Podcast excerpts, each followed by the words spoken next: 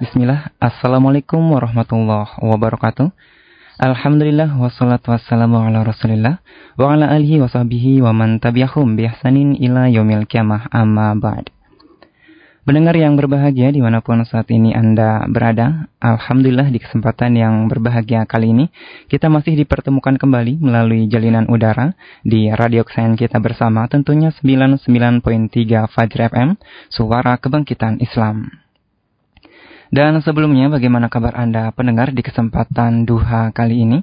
Harapan dan doa kami tentunya mudah-mudahan ya Anda selalu berada dalam keadaan sehat walafiat dan mudah-mudahan selalu berada dalam perlindungan Allah Subhanahu wa taala. Amin ya rabbal alamin.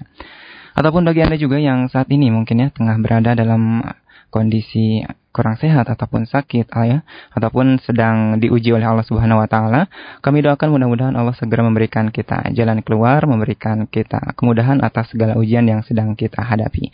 Dan mudah-mudahan ya ujian yang kita hadapi saat ini dapat mendewasakan kita dan dapat mendekatkan diri kita kepada Allah Subhanahu wa taala. Amin ya rabbal alamin. Selamat menjalankan aktivitas di pagi hariannya Ajang. Mudah-mudahan aktivitas yang kita lakukan di hari ini mendapatkan ridho Allah Subhanahu wa taala. Amin ya rabbal alamin. Amin. Ya dan baiklah pendengar yang berbahagia di mana pun saat ini Anda berada. Alhamdulillah ya di kesempatan yang berbahagia kali ini kita bisa dipertemukan kembali di acara Talkshow Interaktif Dokter Menyapa ya. Di edisi hari Kamis tanggal 29 Jumadil Awal 1439 Hijriah dan bertepatan pada tanggal 15 Februari 2018. Dan tentunya seperti biasa di acara Talkshow Interaktif kali ini kami menghadirkan narasumber yang akan berbagi informasi kepada kita semua yang mudah-mudahan informasi yang disampaikan oleh narasumber kita ini dapat bermanfaat bagi kita semua semua. Amin ya robbal alamin. Dan baiklah pendengar, langsung saja kita akan perkenalkan narasumber kita di kesempatan kali ini, yaitu ada Dr. Meizi Fahrizal Ahmad MSI. Beliau ini selaku dokter umum di Rumah Sakit Umi Bogor. Kita akan sapa beliau terlebih dahulu. Assalamualaikum dokter. Waalaikumsalam warahmatullahi wabarakatuh. Bagaimana dokter kabar sehat ya? Alhamdulillah, Alhamdulillah sehat. Gimana nih dokter perjalanannya? Ke studio Radio Fajri? Alhamdulillah lancar Alhamdulillah, dan didampingi oleh rahmat Allah berupa hujan. Iya, Masya Allah. Rintik-rintik. Enggak kehujanan juga? Tuh? Enggak. Alhamdulillah. Alhamdulillah ya. Ya baiklah pendengar yang berbahagia di mana pun saat ini Anda berada. Itulah narasumber kita yang akan berbincang-bincang bersama kita semua selama kurang lebih insya Allah selama satu jam ke depan. Dan tema yang akan kita bahas di kesempatan kali ini yaitu seputar kolesterol ya. Tema yang akan kita bahas di kesempatan kali ini yaitu seputar kolesterol.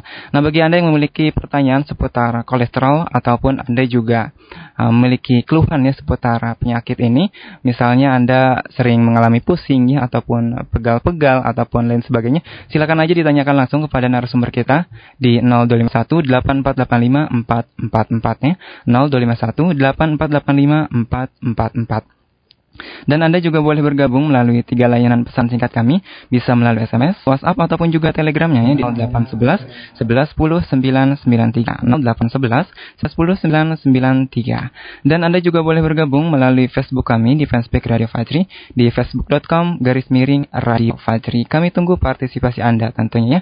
Tema yang kita bahas pada kesempatan kali ini yaitu seputar kolesterol. Nah, dokter, uh, di pertemuan sebelumnya kan kita sudah membahas hipertensi dan uh, komplikasinya ya. Betul. Di antaranya faktor penyebabnya disebabkan karena pola hidup, gaya hidup misalnya dari makanan, kemudian juga tingkat stres. Nah, apakah di penyakit kolesterol ini juga disebabkan uh, hal yang sama? Ya, hmm. betul. Ini juga termasuk penyakit lifestyle.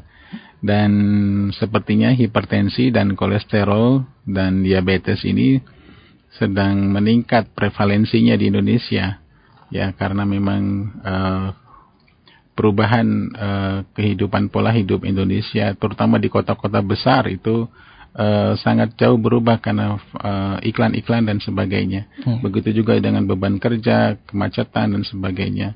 Sehingga memperkecil waktu mempersingkat waktu mereka untuk bisa beristirahat atau berolahraga dan sebagainya. Misalnya orang berangkat sudah mulai pagi-pagi jam 4, jam hmm. 5 sudah berangkat. Hmm. Tidak ada waktu mereka untuk beristirahat atau berolahraga. Hmm. Pulang sampai rumah macet-macet di jalan, itu pun sampai di rumah jam 8, jam 9. Tidak hmm. ada waktu mereka untuk beristirahat. Begitu. Kemudian juga dokter, apakah ada ciri-ciri ini? Ciri-ciri ataupun gejala dari kolesterol itu sendiri? Ya, Uh, terima kasih pemirsa rahimakumullah ya Al-Fajri rahimakumullah. Uh, kolesterol itu lebih sering tidak bergejala ketimbang hmm. hipertensi. Yeah. Ya, sering orang tidak sadari kalau dirinya kolesterol sehingga bagi orang usia di atas 40 hmm. atau 35 tergantung daripada ada faktor genetik atau tidak. Kalau yeah. ada faktor genetik sebaiknya setahun sekali itu minimal uh, untuk diperiksa kolesterolnya. Maksudnya apa faktor genetik? Artinya dari pihak keluarga sudah memiliki uh, penyakit gangguan kolesterol atau dislipidemia, uh, gangguan lemak uh, di, di darahnya. Nah, kalau bagi yang normal, sehat, tidak ada genetik, bisa cek umur 40 tahun ke atas setahun sekali. Kenapa? Karena uh, kolesterol per kolesterol itu sering tidak bergejala. Saya pernah punya kenalan, hmm? kolesterolnya itu sampai 350 tidak tahu kalau dia 350. Hmm. Tahunya waktu dia mau berangkat haji dicek di puskesmas karena itu wajib cek darah, baru dia dikasih tahu kolesterolnya 350 mg per desiliter sehingga baru dia diet setelah itu. Ada mengatakan, eh, dok kalau saya nyeri tengkuk uh, di di apa leher uh, bahu itu berarti kolesterol saya tinggi. Tidak. Yang agak lebih khas, yang agak lebih khas dibandingkan gejala itu tanda hmm. tanda klinis itu ketika ada di sekitar kelopak mata itu ada seperti bentol. Hmm? Mungkin pernah melihat uh, akhi yeah. uh, orang yang di sekitar kelopak mata tengahnya itu ada seperti bentol hmm. warna keputihan dan itu bertahan lama namanya santom yeah. santalasma nah itu biasanya uh, orang ini memiliki kelebihan atau kolesterolnya tinggi di dalam darahnya itu yang agak lebih khas atau ada benjol-benjol di beberapa uh, di bawah kulit uh, subdermis ya, di, biasanya uh, berbentuk lipoma hmm Artinya uh, ada benjol-benjol di bawah kulit dalam ukuran se se setengah kelereng kecil begitu. Jumlahnya bisa lebih dari satu. Nah itu bisa dicek di laboratorium kemungkinan besar kolesterolnya uh, terganggu di dalam darahnya. Dan kemudian apakah uh, harus selalu ditandai dengan misalnya sering pusing ataupun tengkuk terasa sakit seperti itu dokter? Tidak khas, hmm. uh, sebab itu uh, variabelnya banyak sekali. Bisa karena kolesterol tapi jarang kolesterol saja semata-mata itu gangguannya di tengkuk. Hmm. Ada faktor lain seperti stres, uh, terlalu lama di depan komputer, kemudian uh, posisi mal posisi di kepala, bangun tidur dan sebagainya itu jadi banyak faktor lain yang menyebabkan uh, kenapa orang sakit di tengkuk atau di hmm. ada tension distress, tension headache hmm. ya, jadi spasme di otot leher karena mal posisi salah posisi kepalanya itu. Hmm. Itu juga gangguan di leher. Jadi tidak spesifik kalau gangguan di tengkuk atau leh, eh, bahu itu adalah hiperkolesterol atau hipertensi. Ya. Dan kemudian apakah ada makanan nih dokter yang bisa menyebabkan munculnya kolesterol itu sendiri? Nah ini hmm. justru paling banyak mohon maaf, hmm. mohon maaf banyak itu penyebabnya karena faktor makanan. Makanan ya. ya, Pak itu paling banyak sekali dan apalagi seperti saya kata kita bincang-bincang dua pekan lalu soal hmm. hipertensi dari kecil makanan anak kita tuh udah salah. Ya. Udah masuk junk food, fast food dan itu kesukaan anak-anak. Jadi bahkan kadang-kadang eh apa kalau hari liburan tuh dibawa anak-anak menikmati makanan-makanan dan orang tua men, hmm. senang sekali ketika anaknya lahap dengan makan makanan junk food. Yeah. Padahal itu betul-betul sama sekali tidak sehat, sama sekali tidak sehat. Jadi kalau saya paling mengajak keluarga saya itu setahun bisa maksimal dua kali, hmm. itu setahun begitu. Iya baik, terima kasih dokter atas penjelasannya. Dan silakan pendengar yang berbahagia di mana pun saat ini Anda berada. Bagi Anda yang memiliki pertanyaan seputar penyakit kolesterol, langsung saja ditanyakan ke narasumber kita di kesempatan kali ini. Silakan dimanfaatkan kesempatannya untuk bertanya ya.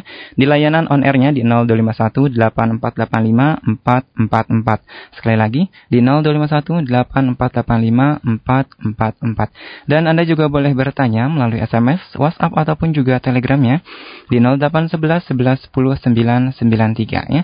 0811 11 10 993. Dan Anda juga boleh bergabung melalui Facebook kami di fanspage Radio Fajri di facebook.com garis miring Radio Fajri. Ya, silakan kami tunggu partisipasi Anda.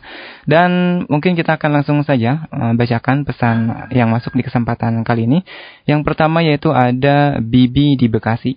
Assalamualaikum dokter. Waalaikumsalam warahmatullahi wabarakatuh. Mengkonsumsi obat kolesterol simfat simvastatin ya dan obat asam urat alupurinol. Alupurinol. Heeh. Apa itu bagus katanya? Berbahaya nggak jika dikonsumsi tiap hari ini? Apakah menimbulkan efek samping, dokter? Iya. Makasih. Eh, ini sudah masuk ke penanganan ya, belum penyebabnya. Eh, jadi eh, seperti yang saya katakan, lifestyle itu eh, penanganan pertamanya adalah diet. Hmm. Penanganan pertama itu diet. Jadi kalau ada orang hiper hiperkolesterol, bisa nggak diet dulu? Nah, teman saya yang saya kenal itu, orang kenal yang saya kenal tadi yang 350 itu, Hmm. itu bisa menurunkan di bawah 200 tanpa obat. Iya. Jadi dia diet ketat. Jadi diet ketat dia eh, tidak makan berlemak, Hmm. eh, tidak gorengan, kecuali dia menggunakan gorengan eh, pakai minyak jagung. Iya. Selama dua bulan dia ketat sekali, sayurannya tumis, eh, sehingga setelah dua bulan di bawah 200 sampai hari ini eh, dia di bawah 200 karena dietnya kuat sekali, tanpa obat. Nah kalau seandainya dengan diet masih juga di atas 200, maka coba dengan olahraga. Iya. Nah tadi saya katakan untuk olahraga itu berat untuk karyawan zaman sekarang terutama di kota besar pagi-pagi sudah berangkat pulang di rumah malam maka baru menggunakan obat menggunakan obat boleh nggak dengan simvastatin Eh, boleh itu tergantung daripada apakah itu kolesterolnya tinggi HDL eh, LDL-nya terganggu atau eh, trigliseridanya yang tinggi Iya. Ya, kalau trigliseridanya tinggi itu golongannya golongan fibrat. Tapi kalau LDL-nya tinggi eh, dibandingkan HDL-nya rendah sekali, itu boleh menggunakan eh, golongan statin. Salah satunya simvastatin yang dimakan. Boleh nggak itu terlalu sering? Ya, boleh saja, tapi tetap eh, jangan hanya mengandalkan obat semata-mata, Hmm. terus merasa ini akan aman untuk tubuhnya. Karena tetap bagaimanapun obat itu memiliki efek samping Iya. sebesar apa pun, eh, sekecil apa pun obat itu memiliki efek samping. Hmm. Sehingga saya menyarankan tetap eh, lifestyle itu yang betul-betul diperhatikan oleh eh, kita, kecu- terutama orang yang memiliki kolesterol tinggi. Diet itu yang paling utama. Iya. Baik, terima kasih dokter atas tanggapannya. Dan silakan pendengar ya, bagi Anda yang ingin bertanya langsung, kami masih membuka kesempatan bagi Anda. Silakan kami buka di 0251 8485 444. 0251 8485 444. Ya, nampaknya sudah ada yang ingin bergabung nih dokter. Kita akan sapa. Assalamualaikum. Waalaikumsalam. Waalaikumsalam. Dengan ibu siapa dan dari mana ini? Dari Umi Yayah, Umi Maria Ulfa di Iya, Ciamas. dengan Umi Maria Ulfa. Silahkan Umi pertanyaannya. Dokter, Ya, saya mau tanya. Saya sering cek ya ke dokter. Ini kolesterol saya eh, 144. Terus eh, gula darah saya normal. Kadang 105, kadang 117. Terus tensinya normal. Tapi kenapa ya, Dok? Saya suka pegel badan. Pegel ya, di badan ya, Bu? Heeh. Pegal-pegal, iya. Heeh, makasih ya, Dok, atas penjelasannya. Ibu, mohon maaf. Ya. Ibu tidurnya enak kalau mau tidur? Kalau tidur enak dok nyenyak gitu. Iya, suka mimpi-mimpi yang eh, tidak enak, buruk itu. Kalau mimpi sih yang yang nggak enak sering sih. Oh iya, atau Kayak, sering eh, bangun mimpi tengah buruk, malam, Ibu? Yang mimpi buruk, terus eh, tapi mimpi yang bagus eh, Ada. sering gitu. Kalau bangun tengah malam mendusin apa ya? Suka terjaga. Kenapa? Terjaga di tengah malam, terbangun mendusin. Eh, kadang bangun jam 3 ya. Oh, itu rutinnya biasa. Ya. Ah, saya kan kalau kalau tidur suka baca-baca gitu ya Fatihah. Baca Hmm. semuanya ayat, ayat kursi. Tapi kadang saya juga suka suka mimpi yang buruk gitu dok. Iya, baik. itu. Baik. Baik. Makasih ya dok ya. Sama-sama, Sama-sama. Ibu. Assalamualaikum. Waalaikumsalam. Silakan dokter ditanggapi. Ibu- Sering pegal-pegal nih katanya. Ibu Maria Ulfa, sayang saya lupa tadi nanyakan usia atau sudah menikah atau belum, berkeluarga atau belum. Iya. Eh, jadi biasanya kalau faktor pegal-pegal itu bisa karena faktor fisik atau Hmm. karena faktor psikis. Iya. Orang kerja berat. Kalau dari lihat dari profil lipidnya 144 insya Allah bagus. Hmm. Gula darahnya insya Allah bagus. Tensinya dikatakan normal. Berarti secara laboratori klinis itu nggak terjadi masalah. Hmm. Eh, cuman mungkin merasa pegel-pegel. Pegel-pegel itu ada yang objektif, ada yang subjektif. Iya. Ya, yang objektif itu kalau seandainya habis kerja berat, Hmm. mesti orang pegel-pegel. ya habis jalan berat, habis olahraga, dia objektif. Ada yang subjektif, misalnya faktor psikis. Ya, kalau misalnya orang pulang dari kantor uh, suasana hati senang, hmm. itu tidak merasa pegal. Iya. Tapi kalau lagi di rumah terus bikin kesel gitu ya. terus dia bilang, aduh badan saya pegel-pegel di rumah hmm. gitu. Padahal yang pegel itu hatinya begitu. Iya. Misalnya bukan badannya. Jadi uh, psikosomatik namanya kalau di bahasa kedokteran. Sehingga uh, saya lebih menyarankan Ibu Maria Ulfa untuk bisa berkonsultasi sama dokter. Hmm. Apakah ini betul-betul pegelnya objektif hmm. atau subjektif. Itu sebab tadi saya tanyakan bagaimana tidurnya. Hmm. Sebab biasanya kalau faktor psikologis, misalnya ada beban masalah yang sedang difikirkan, itu berpengaruh kepada faktor tidur. Nggak tenang dokter ya? Uh, sebelum tidurnya tidurnya itu lama hmm. misalnya begitu. Kemudian kalau tidur suka mimpi yang tidak enak, misalnya dikejar-kejar atau apa hmm. begitu. Kemudian suka bangun tengah malam terkejut, kaget dan susah tidur lagi. Hmm. Itu tiga gejala yang agak muncul sering di orang-orang yang sedang banyak uh, ada beban pikirannya. Hmm. Dan itu berdampak kepada fisik. Dan fisiknya merasa lemes, pegel-pegel, capek begitu ya masalah itu bisa masalah macam-macam penyebabnya. Jadi saya uh, melihat ibu ini secara ke laboratorius itu bagus, tinggal di anamnesa aja, dikonsultasikan. Hmm. Apa sih yang bikin dia pegel objektif atau subjektifnya? Baik, terima kasih dokter atas tanggapannya. Mudah-mudahan terjawabkan ya pertanyaan dari Umi Maria Ulfah di Ciomas.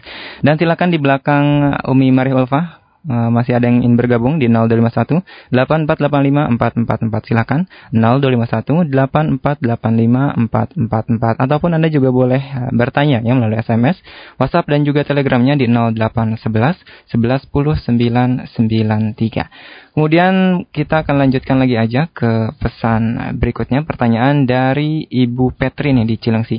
Dokter bagaimana cara mengatasi pegel-pegel katanya tapi suka ngantuk nih. Pegel-pegel suka ngantuk ya. Iya. Nah, kalau uh, orang apa mudah ngantuk itu hmm. biasanya satu sangat santai hidupnya. Iya. Ya, sangat santai. Nah, kemudian dia mencari kesibukan. Hmm. Karena santainya itu misalnya berkebun, eh, memelihara tanaman depan rumah, uh, potong rumput di halaman rumah. Nah itu pegelnya pegel bikin ngantuk. Hmm. Atau suasana hidupnya apa? Suasana lingkungannya dingin, adem, uh, asri begitu ya. Itu biasanya mudah, mudah juga ngantuk. Artinya orang yang mudah ngantuk itu biasanya karena faktor agak santai. Hmm. Bisa santai karena fisiknya kerjanya atau santai karena pemikirannya. Hmm. Jadi nggak ada beban stres, nggak ada beban mental. Gitu. ya, ada juga orang yang uh, mudah ngantuk itu karena hipotensi malah. Hmm. Uh, ya, orang yang hipotensi itu uh, apa ya?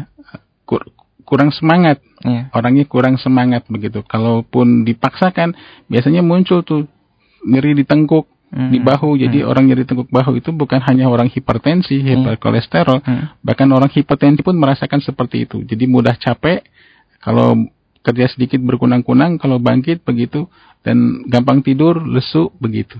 Apa karena kurang banyak gerak jadi sering pegel-pegel? Nah, itu yang saya katakan tadi. Kalau seandainya orang itu bisa olahraga secara rutin 15 menit satu kali, dua kali atau tiga kali selama seminggu, hmm. maaf 30 menit sekali uh, olahraga, dua atau tiga kali seminggu, insya Allah tuh fresh. Hmm. Mungkin seminggu dua minggu pertama kalau tidak terbiasa bergerak, maka itu muncul gejala penyesuaian berupa pegel-pegel. Hmm. Tapi kalau dia rutin, maka udah fresh betul. Iya. Baik dokter, terima kasih atas tanggapannya. Silakan sebelum jeda kita akan tunggu partisipasi Anda. Bagi Anda yang ingin bergabung, kami akan tunggu di 0251 8485 444. Silakan bertanya langsung kepada narasumber kita di 0251 8485 444. Ya, baik nampaknya sudah ada yang ingin bergabung kembali. Kita akan sapa. Assalamualaikum. Waalaikumsalam. Waalaikumsalam. Dengan Ibu siapa dan dari mana ini? Dengan Ibu Eni di Bogor. Ibu Eni di Bogor ya. Silakan Ibu pertanyaannya. Dok, saya, maaf saya menanya. Ya Bu. Tangan saya itu dua-duanya tuh sakit gitu tiap hari. Tangan tuh jari atau siku hmm. atau di bahu atau di mana Bu? Di jari-jari aja. Jari-jari sakit. Dua, nah, dua jari-jari itu sakit. Bangun tidur gitu megang apa pisau gitu kayak nggak kerasa gitu. Ibu usia berapa tahun Bu? Usia 39 tahun. Ibu bekerja apa, Bu? Enggak, di rumah tangga aja. Uh, aktivitas rumah tangganya apa, Bu? Ya, biasa, ibu Masak, rumah tangga. nyuci, nyapu, ya, ngepel. Ya, Ya, saya kan ini konsumsi. Hmm. Oh, terputus. Terputus sayang sekali. Bisa ditanggapi mungkin dokter. Oh iya, ini eh, sangat bias ya, karena kalau nyeri nyeri itu ada yang nyeri biasa, ada yang nyeri menggu- dengan bengkak. Ya. Ya, misalnya jari-jarinya nyeri dan ada kemerahan, bengkak kemerahan. Hmm. Misalnya pada eh, artritis, pada artritis itu nyerinya eh, eh, ada kemerahan bengkak begitu, Hmm. kemudian kemerah-merahan kalau disentuh nyeri sekali. Ya. Ya, itu artritis. Saya menyarankan kepada Ibu Eni ini untuk konsultasi ke dokter saja karena ini diagnosisnya itu macam-macam, bisa bermacam-macam. Jadi Hmm. nggak boleh langsung mengobati sendiri. Nah, kebiasaan masyarakat itu semua yang nyeri sendi itu asam urat. Iya. Semua nyeri sendi itu asam urat. Padahal tidak, belum tentu asam urat. Bisa karena obesitas, misalnya pada osteoartritis itu bukan belum tentu asam urat dan bukan memang asam urat karena obesitas misalnya seperti faktor genetik dan macam-macam. Penanganannya pun beda-beda. Kalau misalnya ada orang asam urat tadi dikasih eh, allopurinol mungkin bisa membaik. Hmm. Tapi kalau belum dikasih belum bukan asam urat dikasih allopurinol sebanyak apa pun dia tidak akan sembuh karena masalahnya bukan di asam uratnya. Kira-kira gitu. Saya sarankan ke Bu ini untuk berkontrol ke dokter. Ya baik, terima kasih dokter atas tanggapannya. Mudah-mudahan terjawabkan ya pertanyaan dari Bu Eni yang sempat terputus tadi teleponnya.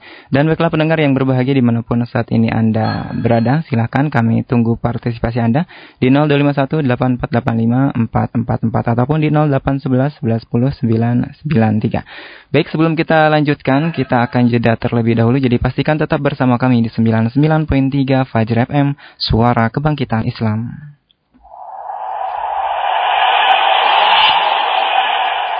Hasan al-Basri rahimahullah mengatakan bahwa manusia adalah bagaikan kumpulan hari.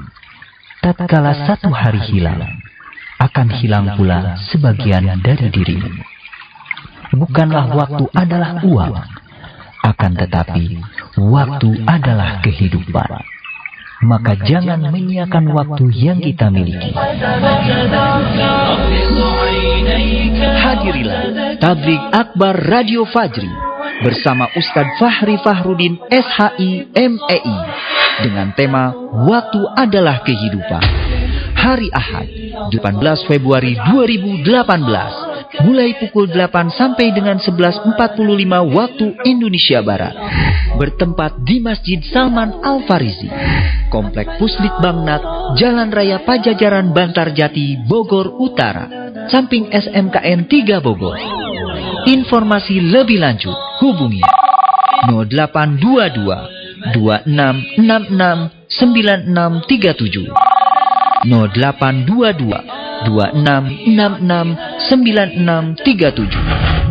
Acara ini diselenggarakan oleh Fajri FM bersama Forum Komunikasi Pendengar Radio Fajri Wilayah Bogor dan didukung oleh Yayasan Peduli Fajar Imani.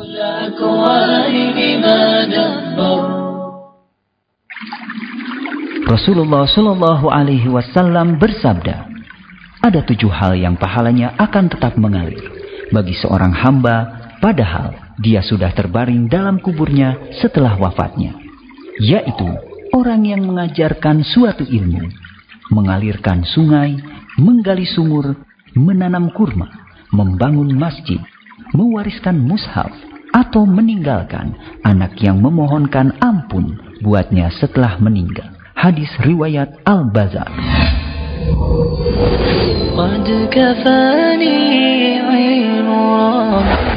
Inginkah Anda tetap meraup pahala walaupun telah tiada? Inginkah Anda berinvestasi untuk meraih surga? Ayo segera, jangan ditunda. Bergabung dalam program wakaf serbaguna dengan menyalurkan harta sebagai bentuk cinta masjid dan peduli sesama. Salurkan wakaf untuk pembangunan masjid, pesantren, sumur, dan fasilitas umum lainnya di rekening atas nama Yayasan Islam Al-Huda dengan nomor 3536 373802 3536 373802 Bank BNI Syariah.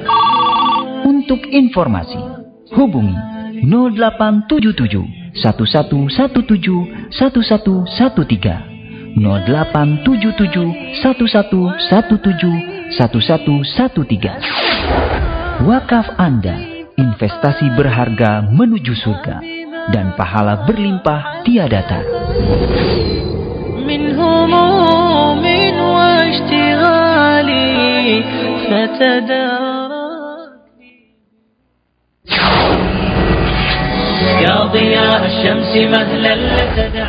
Kabar gembira. Ma'had Huda Islami kembali membuka pendaftaran beasiswa S1 Program Pendidikan Dai Nusantara PPDN untuk manajemen pendidikan Islam MPI. Syarat pendaftaran, laki-laki muslim lulus SMA atau sederajat. Nilai rata-rata semester akhir 7. Lancar membaca Al-Quran, usia maksimal 20 tahun. Belum menikah, tidak merokok, sehat jasmani dan rohani, bersedia tinggal di asrama, dan lulus tes. Ketentuan beasiswa. Beasiswa penuh S1 4 tahun. 3 tahun pertama diasramakan dengan tambahan pelajaran ilmu-ilmu Islam. Adapun tahun keempat dimagangkan dalam aktivitas dakwah dengan insentif bulanan. Fasilitas pendidikan. Beasiswa penuh S1 MPI. Kuliah sambil belajar dakwah. Gratis makan tiga kali sehari selama pendidikan asrama yang representatif tunjangan selama magang dakwah. Tidak dipungut biaya apa pun, dosen dalam dan luar negeri. Daftar segera, ketik PPDN tanda pagar nama, tanda pagar kota, tanda pagar usia. Kirim ke 0822 9947 7477 SMS atau WA atau datang langsung ke kampus Ma'had Huda Islami Komplek Yayasan Islam Al-Huda Bogor, Indonesia. Jalan Raya Kapten Yusuf Purnama Sukamantri Taman Sari Bogor. Kunjungi website kami di www.beasiswapendidikan.islam.net Ma'had Huda Islami bersama mengusung pendidikan Islam. ما صنعوا وبغور البحر انظر بين مرجان شعاب طائر الأعماق Saat ini Anda sedang mendengarkan frekuensi 99.3 Fajri FM dan radio streaming di alamat situs www.fajrifm.com. Fajri, suara kebangkitan Islam.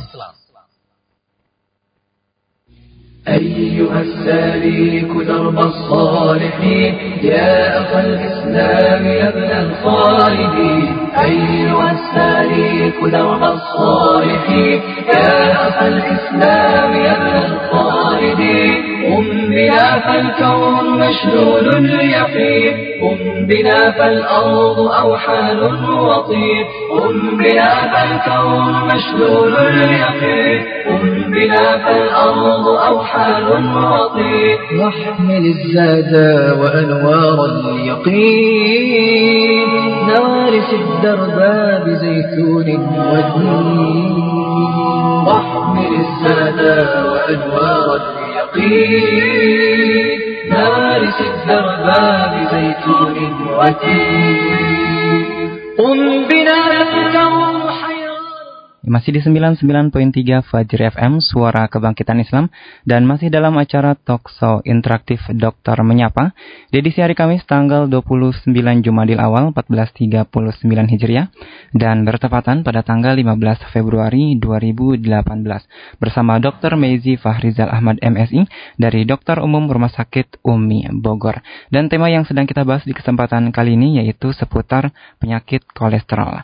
Dan sebelumnya kami ucapkan syukran jazak jazakumullah khairan katsiran kepada Anda yang telah setia mendengarkan acara kami, terutama bagi Anda yang telah bergabung bersama kami ya tadi di 0251 8485 444. Dan tak lupa pula kami ucapkan ahlan sahlan kepada Anda yang baru bergabung bersama kami, baik itu baru menyalakan gelombang radionya di 99.3 ataupun mendengarkan melalui streaming kami di www.fajrfm.com. Ya, kami ucapkan selamat menyimak dan mendengarkan aja. Dan tak lupa pula tentunya kami mengingatkan kembali bagi Anda yang ingin bertanya langsung kepada narasumber kita, silakan aja ditanyakan di 0251 8485 444. 0251 8485 444. Ataupun Anda juga boleh bertanya melalui SMS, WhatsApp ataupun Telegramnya di 0811 11 10 993. Baik, kita akan langsung saja ke narasumber kita kembali. Dokter, faktor apa saja sih yang dapat menyebabkan uh, munculnya hiperkolesterol nih? Iya, uh, ini perlu sekali diketahui oleh pemirsa Al-Fajri rahimakumullah.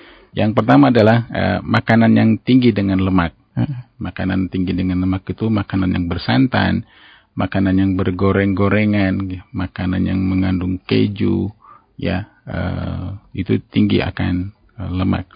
Kemudian makanan-makanan yang uh, maaf uh, orang beresiko tinggi itu seperti uh, orang yang merokok hmm? itu beresiko juga bisa uh, memicu hiperkolesterol, kurang olahraga, orang hipertensi, obesitas, genetik itu bisa uh, menjadi penyebab uh, orang bisa hiperkolesterol.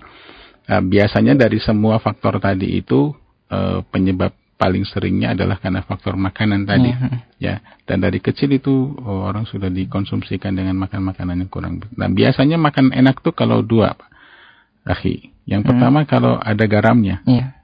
itu enak uh-huh. yang kedua kalau kolesterolnya tinggi coba cek seluruh makanan hampir semua yang kolesterolnya tinggi itu pasti enak begitu yeah. ya makanya uh, ini yang harus dibalance uh-huh. dijaga maka Rasulullah mengatakan kuat-kuatlah puasa itu yeah. ya penyebab penyakit rata-rata dari mulut. Hmm.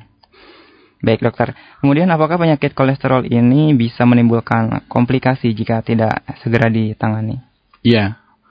Kolesterol itu lemak ya, lemak bagian daripada lemak. E, lemak itu sifatnya lebih kental dibandingkan air. Iya. Ya.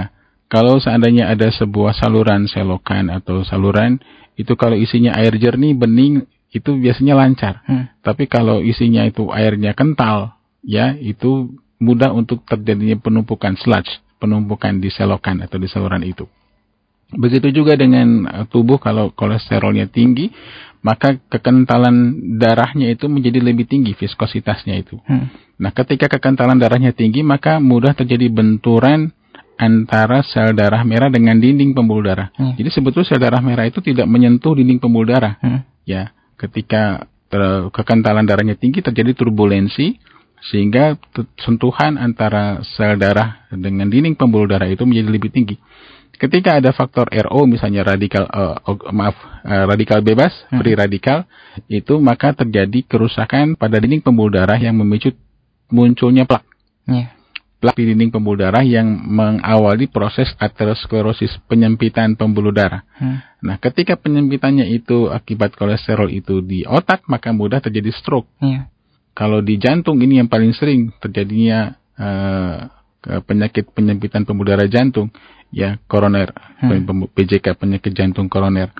Ini yang sangat berbahaya bagi uh, orang hiperkolesterol ada ada penyakit-penyakit lain tapi nggak terlalu berat. Yang berat itu kalau seandainya menyerang pembuluh darah di otak atau pembuluh darah di jantung. Hmm. Makanya orang tiba-tiba nyeri nyeri dada mendadak hebat, kemudian bisa meninggal di tempat ketika olahraga di meda, di perjalanan dan sebagainya.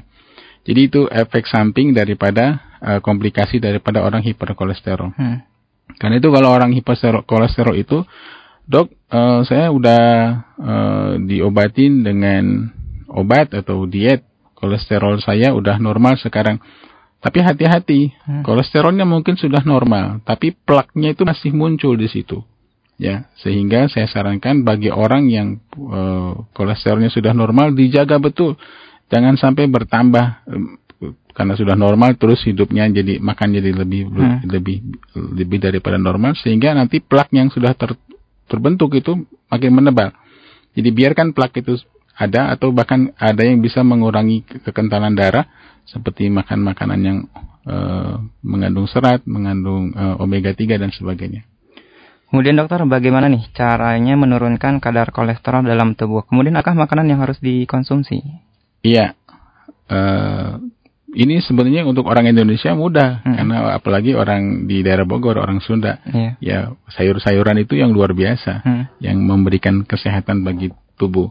Seperti misalnya kacang-kacang, kayak biji-bijian ya, uh, kacang kedelai, susu kedelai itu bagus Eh, kalaupun minum susu non kedelai, cari susu yang non fat. Hmm. Kemudian buah, eh, sayur-sayuran. Kenapa? Karena tinggi serat. Serat itu kenapa bagus untuk menurunkan kolesterol? Eh, menghambat sebetulnya serat itu. Karena serat itu di dalam usus tidak bisa dicerna oleh usus. Hmm. Ya, karena usus kita tidak punya uh, enzim untuk memecahkan serat. Sehingga usus berusaha membuang serat itu. Akhirnya apa yang terjadi sehingga kontak antara makanan sama dinding usus itu jadi cepat karena usus cepat membuang serat hmm. sehingga kemungkinan diserapnya kolesterol itu jadi kecil.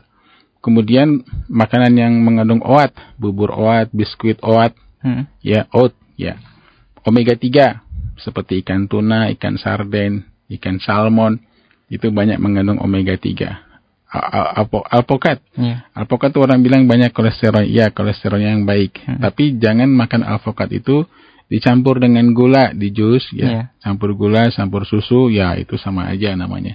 Nah, tapi kalau alpokatnya sendiri bagus. Kemudian uh, kentang misalnya hmm. seperti itu. Kemudian minyak jagung itu juga menghindari me, meningkatnya kolesterol yang ada dalam tubuh manusia. Baik dokter, terima kasih atas penjelasannya. Hmm. Kita akan langsung saja nih mengundang kembali pendengar bagi Anda yang ingin bergabung di 0251 8485 444 ya 0251 8485 444 ataupun Anda juga boleh bertanya melalui SMS, WhatsApp dan juga Telegramnya di 0811 11 10 993. Baik, jika tidak ada yang ingin bergabung melalui layanan telepon, kita akan bacakan kembali pesan yang masuk nih. Cukup banyak juga nih dokter Masya Allah. Kita akan langsung saja bacakan. Yang pertama ada dari Ibu Poni di Cibinong Bogor. Assalamualaikum dokter.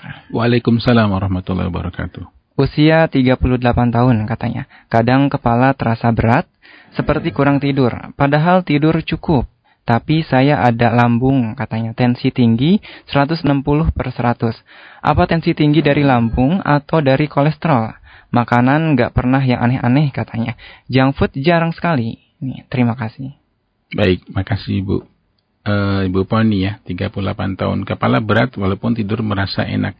Bisa juga karena hipertensinya. Hmm. Tapi saya menyarankan bagi orang maaf. Bagi orang yang punya hipertensi, punya gula darah tinggi, sebaiknya cek lab juga kolesterol. Yeah. Sebab orang kolesterol biasanya bisa menimbulkan diabetes. Hmm. Kenapa? Karena kunci masuknya insulin masuk ke dalam sel terhalang oleh kolesterol. Sehingga orang e, ketika cek di pinggir jalan, di mall, gula darah, oh gula darah saya tinggi, boleh jadi penyebabnya karena kolesterolnya, hmm. seperti yang disampaikan beberapa pekan yang lalu. Jadi saya sarankan e, cek itu tensi tinggi, kalau gula darah tinggi, kolesterol juga ikut dicek. Hmm. Nah, tensi, kolesterol, gula darah ini nggak boleh ketemu satu tubuh. Nggak boleh ketemu. Hmm. Jadi kalau hipertensi, satu saja yeah. mungkin bisa kecil resikonya. Tapi kalau hipertensi ketemu diabetes, hmm. itu resiko jadi lebih tinggi lagi. Apalagi kalau hipertensi ketemu diabetes, ketemu kolesterol tinggi. Hmm. Ah, itu resikonya lebih tinggi. Resiko apa dok? Stroke, jantung. Yeah. Itu ketika tiga-tiga itu muncul di badan, satu badan itu beresiko lebih tinggi sekali. Sehingga bagi ibu ini saya sarankan tetap minum obat hipertensi, anti hipertensi, kemudian cek kolesterol sama gula darahnya itu. Hmm. Saya sarankan seperti itu. Ya baik, terima kasih dokter atas tanggapannya. Kemudian kita akan lanjutkan kembali ke pertanyaan berikutnya masih di SMS. Ada Ibu Resmi di Cilebut. Assalamualaikum dokter. Waalaikumsalam warahmatullahi Usia saya 41 tahun nih. Kolesterol saya 294. Sering sakit kepala sebelah kiri katanya, tengkuk kiri, sedangkan saya ingin mempunyai anak lagi. Seandainya saya hamil, apakah tidak berbahaya bagi saya dan janin mengingat kolesterol saya hampir 300? Yang berbahaya bukan bayinya, hmm. yang berbahaya ibunya. Ya, karena kolesterolnya termasuk yang tinggi. untuk di American Heart Association itu sudah menargetkan 150 udah tinggi. Hmm. Kalau yang versi lama itu 200. Iya. Jadi aman di angka 200. Ternyata di angka 200 sendiri masih potensi untuk munculnya komplikasi. Sehingga kalau ibu mau aman, kayak tadi ibu yang ibu Yayah itu Maria Ulfa itu 144 itu bagus sekali. Hmm. Jadi kalau bisa ditekan di bawah 200. Jadi bukan resiko hamilnya tapi resiko ibunya kalau Iya. dia hiperkolesterol. Kecuali gula darah tinggi atau tensi tinggi itu beresiko ke bayinya atau ke kehamilannya. Kira-kira seperti itu. Iya, baik. Terima kasih dokter atas tanggapannya. Mudah-mudahan terjawabkan ya pertanyaan dari Ibu Resmi di Celebut. Kemudian kita beralih lagi ke Ibu Iwo di Cibinong, Bogor. Assalamualaikum dokter. Waalaikumsalam. Kebetulan suami saya sudah dua hari tidak masuk kantor, katanya. Saya bawa ke dokter, ternyata kolesterolnya tinggi, mencapai 280. Dokter bahaya nggak ya, katanya. Oh iya Bu, di Hmm. atas 200 itu berbahaya sekali. Apalagi kalau suami ibu perokok, Hmm. ini lebih berbahaya lagi. Kenapa? Kolesterol saya katakan tadi merupakan seperti bagian dari lemak, jen- sejenis lemak. Lemak itu membuat darah lebih kental. Iya. Dan darah kental berisiko penyempitan. Karena selat seperti selokan kalau kental itu Hmm. ken- apa eh, kental selokannya mudah untuk terjadi sumbatan di selokan. Rokok itu mengandung nikotin dan tar. Tarnya itu beresiko untuk menyebabkan resiko kanker. Nikotinnya beresiko untuk meningkatkan kekentalan darah. Iya. Jadi kalau sudah darah kental karena hiperkolesterol, dia perokok lagi akhirnya darah tambah kental lagi, maka resikonya berlipat-lipat untuk terjadinya stroke atau gangguan jantung. Iya. Jadi saya sarankan kalau suami merokok eh, berhenti merokoknya, kalaupun tidak bisa mendadak bertahap dengan niat yang kuat. Tapi sebetulnya menurut saya orang bisa berhenti merokok. Hmm. Eh, misalnya orang berpuasa itu bisa berhenti merokok. Kenapa? Karena di kepalanya itu dibuat sugesti. Iya. Saya harus berhenti merokok, maka sugestinya berhenti merokok. Hmm. Kemudian turunkan tuh kolesterolnya 280, tuh tinggi sekali, harus di bawah 200. Kalau menurunkan gula darah eh, kolesterol itu boleh cepat. Iya. Gula darah, kolesterol itu boleh cepat menurunkannya. Hmm. Kalau tensi nggak boleh cepat. ya, kira-kira gitu. Ya, baik. Terima kasih dokter atas tanggapannya. Mudah-mudahan terjawabkan ya pertanyaan dari Ibu Iwo. Baik, masih kita lanjutkan kembali dari SMS nih. Ada Khairil Gunawan nih dari Pemalang, Jawa Tengah. Masya Allah. Ahlan ya Pak Khairil Gunawan. Pak dokter, saya mau tanya jika sayuran, daging, telur, dan lain-lain yang saya konsumsi hanya direbus, ya, baik nggak? Tapi sering kesemutan walaupun olahraga rutin katanya nih. Iya. Kalau telur itu, kalau daging itu daging merah. Hmm. Itu cukup besar tinggi kolesterol. Terutama kalau mengandung gaji ya. Apa gaji itu? Bukan gaji bulanan, bukan. Apa yang kalau di anak orang-orang bilang gajinya itu. Hmm. Ya. Kemudian kalau telur itu di kuning telurnya itu. Iya. Walaupun direbus, tapi kun, misalnya kayak maaf maaf ini somai ya. Hmm. Itu ada yang somai telur. Iya. Itu kuningnya itu walaupun direbus tetap mengandung kolesterolnya tinggi sekali. Ya.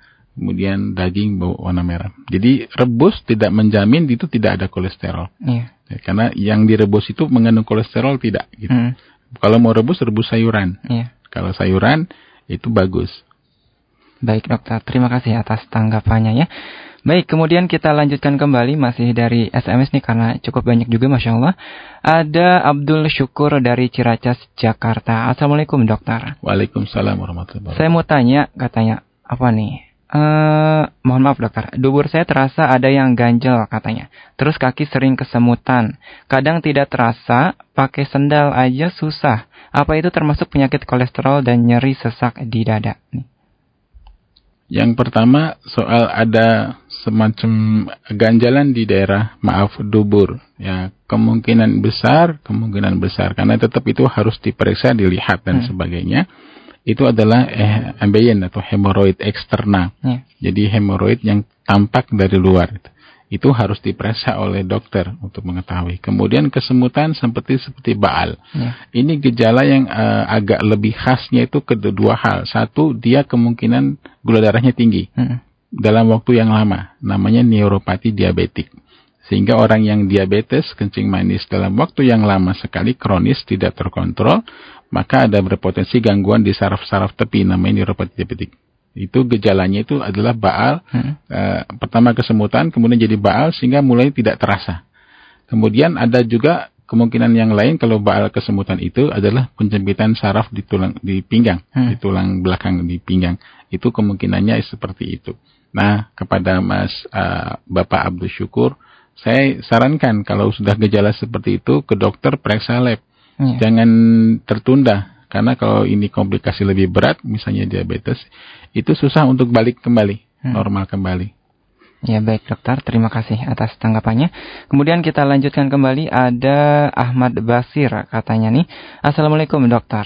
Waalaikumsalam warahmatullahi wabarakatuh. Maaf dokter, saya mau tanya katanya nih. Saya nyeri lambung sampai ke punggung nih. Apa nih katanya? Nyeri lambung sampai, ke, punggung. Mm-mm.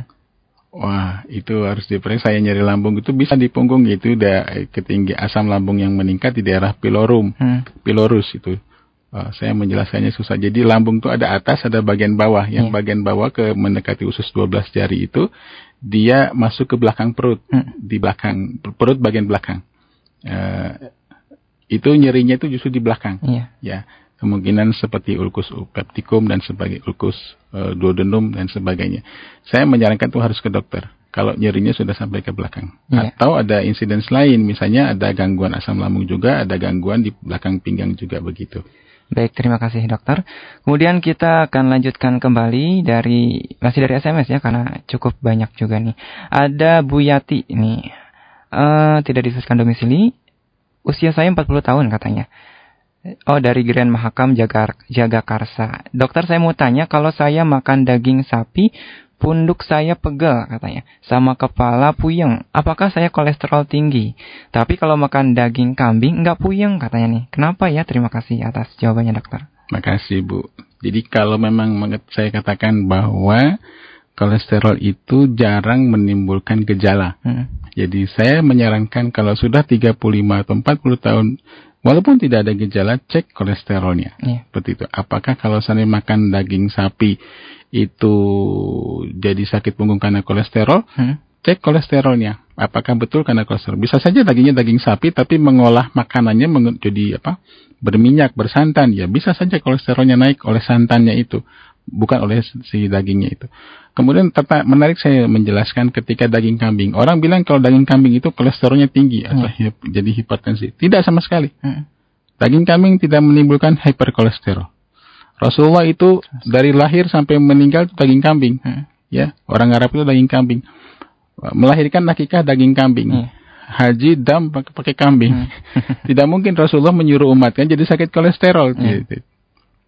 Jadi di Al-Fajr ini saya ingin sampaikan bahwa daging kambing itu aman. Hmm. Ya, karena Rasulullah tidak pernah menyuruh, menyuruh anak eh, umatnya itu mengkonsumsi makanan yang berbahaya bagi umatnya itu. Hanya memang jelas bahwa cara mengolahnya itu Hmm. tadi, walaupun dagingnya bukan daging kambing tapi dikemas dengan dengan kuah bersantan dan Iya. sebagainya, ya mesti kolesterolnya Iya. tinggi. Bukan karena dagingnya tapi karena Pengolahan. kuahnya itu. Baik dokter, terima kasih. Kemudian kita lanjutkan kembali ada Ibu Sri di Tangerang. Lutut saya ngilu, saya katanya siapa nih? Saya mau obat Seven Life Ginseng ya, sama omega 3 itu sembuh. Yang ingin saya tanyakan, aman nggak omega 3 bila rutin dikonsumsi? Iya. Jadi kalau faktor herbal, Hmm. obat-obatan herbal bagus atau tidak? Saya katakan bagus. Hanya memang untuk obat herbal untuk penyakit-penyakit berat itu masih dipertanyakan dari sisi dosisnya. Tapi uh, kalau obat herbal itu saya sarankan lebih baik eh, di- dikonsumsi bagi orang yang sehat. Dalam artian mencegah supaya tidak sakit. Kalau dia sakit menggunakan obat herbal, saya sarankan dikombinasi antara obat-obat herbal dengan obat-obat dari kedokteran. Nah, tadi pertanyaan Pak, lutut sakit? Lutut saya ngilu katanya. Saya makan obat Seven Life Ginseng. Oh, apakah omega 3. aman menggunakan obat-obat herbal itu dalam jangka waktu panjang? Hmm. Kalau obat herbal itu non chemicals, ya dibuat em, tanpa zat-zat kimia, pengawet, pewarna dan sebagainya, itu insya Allah aman karena Hmm. dia makanan sebetulnya. Herbal itu kan makanan atau olahan tumbuh-tumbuhan. Tapi kalau pengolahannya itu mengandung zat kimia, zat pewarna, zat perasa yang tidak eh, mm, tidak tidak cocok untuk manusia, ti- tidak boleh terlalu lama. Sedikit pun sebenarnya tidak boleh. Iya. Baik dokter, terima kasih atas tanggapannya. Kemudian kita beralih lagi ke Bapak Syarif nih di Cikarang.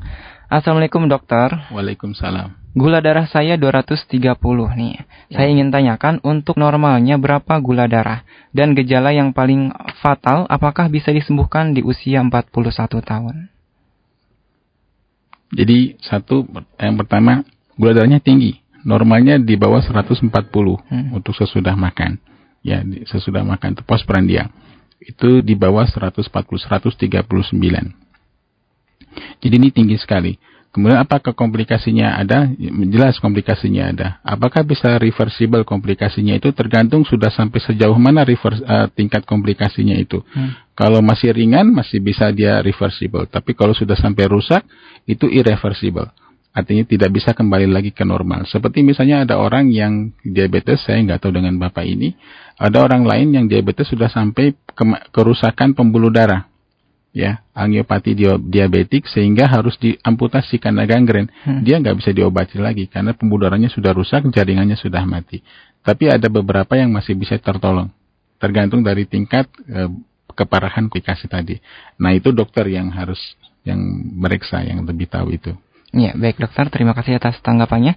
Kemudian kita beralih lagi ke pesan dari Facebook nih. Ada Ahilugina.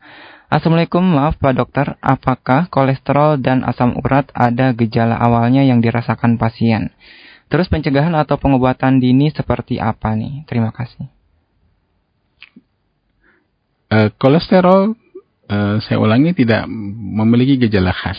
Kalau asam urat itu ada gejala khasnya kalau tinggi itu biasanya nyeri nyeri di sendi, eh, kadang-kadang itu di mata kaki jempol, eh, maaf di jempol kaki ya sebelah kiri merah memar eh, dan ditekan sakit. Kalau jalan juga sakit, kemungkinan besar itu asam urat. Kalau asam urat mudah gejalanya se- sering itu tertampak. Kalau kolesterol jarang tampak. Begitu. Apakah penanganannya? eh, ya dia tadi. Baik itu diet untuk kolesterol, nanti untuk asam urat dietnya mungkin nanti kita cari waktu lagi karena eh, supaya waktunya bisa pas. Ya, baik dokter, terima kasih. Kemudian dari Telegram nih, ada Aliando di Bogor. Dokter, kalau kesemutan di kaki, padahal baru duduk sila sebentar nih katanya. Apakah itu termasuk penyakit kolesterol? Oh, itu penjempitan saraf, nggak apa-apa. Eh, biasanya karena saraf itu ada yang, kalau orang maaf yang gemuk itu sarafnya agak ke dalam karena ditutupi oleh lemak. Sehingga kalau duduk itu jarang yang kesemutan. Tapi kalau orang yang agak slim, ya itu sa- ketika duduk sarafnya terjepit sehingga eh, terjadi baal kemudian kesemutan. Sama seperti orang jongkok itu sarafnya kejepit sehingga ketika dia bangun dari jongkoknya itu mulai terasa baal atau kesemutan. Itu masih dalam batas normal. Baik dokter, terima kasih atas tanggapannya. Mudah-mudahan terjawabkan ya pertanyaan dari Aliando di Bogor. Baik dokter, karena waktu kita terbatas nih, sudah pukul 11. Jadi perjumpaan kita tentunya akan segera diakhiri. Ah, jadi mohon maaf nih apabila ada pendengar yang bertanya tapi belum sempat dijawab karena waktu kita terbatas jadi mohon dimaafkan dan mungkin bisa dilanjutkan kembali di sesi berikutnya ya di acara Insya dokter Allah, Pak berikutnya. Allah. Baik mungkin ada informasi terakhir dokter eh, yang ingin disampaikan terkait penyakit kolesterol ini. Baik hadirin eh, pendengar Radio Fajri yang berbahagia rahimakumullah. Eh, kolesterol ini merupakan salah satu penyakit yang menjadi eh, topik hangat di belahan dunia, terutama di negara-negara maju. Jadi banyak kematian tinggi akibat eh, komplikasi dari kolesterol. Bukan kolesterol, tapi komplikasi dari kolesterol. Dan hiperkolesterol itu lebih banyak disebabkan karena lifestyle. Dari semua lifestyle itu yang paling ber- yang paling berperan adalah faktor makanan. Ya, makan makanan yang enak biasanya itu mengandung kolesterolnya tinggi. Sehingga bagi hadirin eh, pendengar Al-Fajri jangan ajak anak-anak kita bersentuhan dengan makan makanan tidak baik pada waktu kecil. Iya. Semenjak kecil. Karena ketika dari kecil diperkenalkan dengan makanan-makanan tinggi kolesterol, maka dari kecil sudah mulai terjadi penumpukan plak di pembuluh darah anak kita. Ya. Sehingga nanti pada usia 20-an, 30 tua, 30-an anak kita mengalami sakit penyempitan pembuluh darah di jantung atau penyakit di stroke dan sebagainya. Masih muda. Kenapa? Karena dari kecil sudah di uh, berikan kolesterol tinggi muncul dari plaknya itu. Dan uh, perbanyaklah menahan diri dengan berpuasa misalnya seperti itu. Dan kalau puasa bukanya juga harus benar. Mudah-mudahan nanti ketika edisi puasa kita akan sampaikan cara berpuasa yang baik dari sisi Rasulullah SAW dalam hal kesehatannya. Iya baik. Mudah-mudahan. Mudah-mudahan uh, pendengar Fajri rahimakumullah dalam selalu dalam keadaan sehat sehingga bisa memanfaatkan kesehatan untuk bisa beribadah kepada Allah Subhanahu wa taala. Terima kasih lebih kurangnya saya mohon maaf. Assalamualaikum warahmatullahi wabarakatuh. Waalaikumsalam warahmatullahi wabarakatuh. Terima kasih dokter atas informasi yang disampaikannya. Mudah-mudahan dapat bermanfaat bagi kita semua dan mudah-mudahan kita semua diberikan kesehatan oleh Allah Subhanahu wa taala. Dan jangan lupa pula dijaga ya kesehatannya, dijaga pola hidupnya, dijaga makanannya ataupun hilangilah pikiran yang menimbulkan uh, stres ya dan jangan lupa pula untuk bahagia tentunya ya. Dan baiklah pendengar yang berbahagia di mana pun saat ini Anda berada. Mohon maaf apabila ada tutur kata yang kurang berkenan ataupun juga bagi Anda yang mengirimkan pertanyaan tapi belum sempat kami bacakan. Sekali lagi kami mohon dimaafkan. Dan akhirnya saya Hendy dan ada rekan siar saya di meja operator ada Ahi Abdurrahman. Mohon pamit undur diri dari ruang dengar Anda. Subhanakallahumma bihamdik. Asyhadu an la ilaha wa atubu. Wassalamualaikum warahmatullahi wabarakatuh.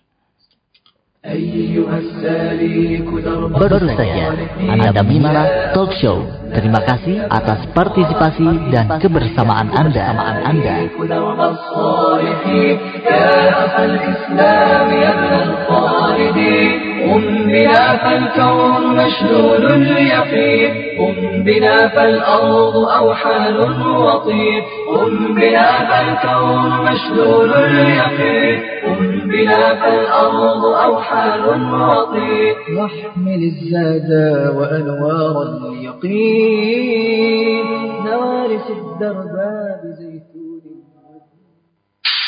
Saat ini Anda sedang mendengarkan frekuensi 99.3 Fajr FM dan radio streaming di alamat situs www.fajrifm.com. Fajri, suara kebangkitan Islam. Al-Quran Hiasi hati kita dengan lantunan Al-Quran. Rasakan kenikmatan menyimak kalam ilahi yang menyejukkan hati. Kini telah tersedia murotal baru 30 juz dari Kori Manca Negara. Di antaranya Syekh Atunaiji, بسم الله الرحمن الرحيم. إن الذين لا يؤمنون بالآخرة زينا لهم أعمالهم فهم يعمهون. Syekh Abdurrahman As-Sudais, الذين آتيناهم الكتاب يتلونه حق تلاوته أولئك يؤمنون به ومن يكفر به فأولئك هم الخاسرون. Syekh Nabil Ar-Rifai, ألم تعلم أن الله يعلم ما في السماء والأرض؟ إن في كتاب إن ذلك على الله يسير. Syekh Sa'ad Al-Ghamidi, ولقد آتينا موسى الكتاب فلا تكن في مرية من لقائه. وجعلناه هدى لبني إسرائيل.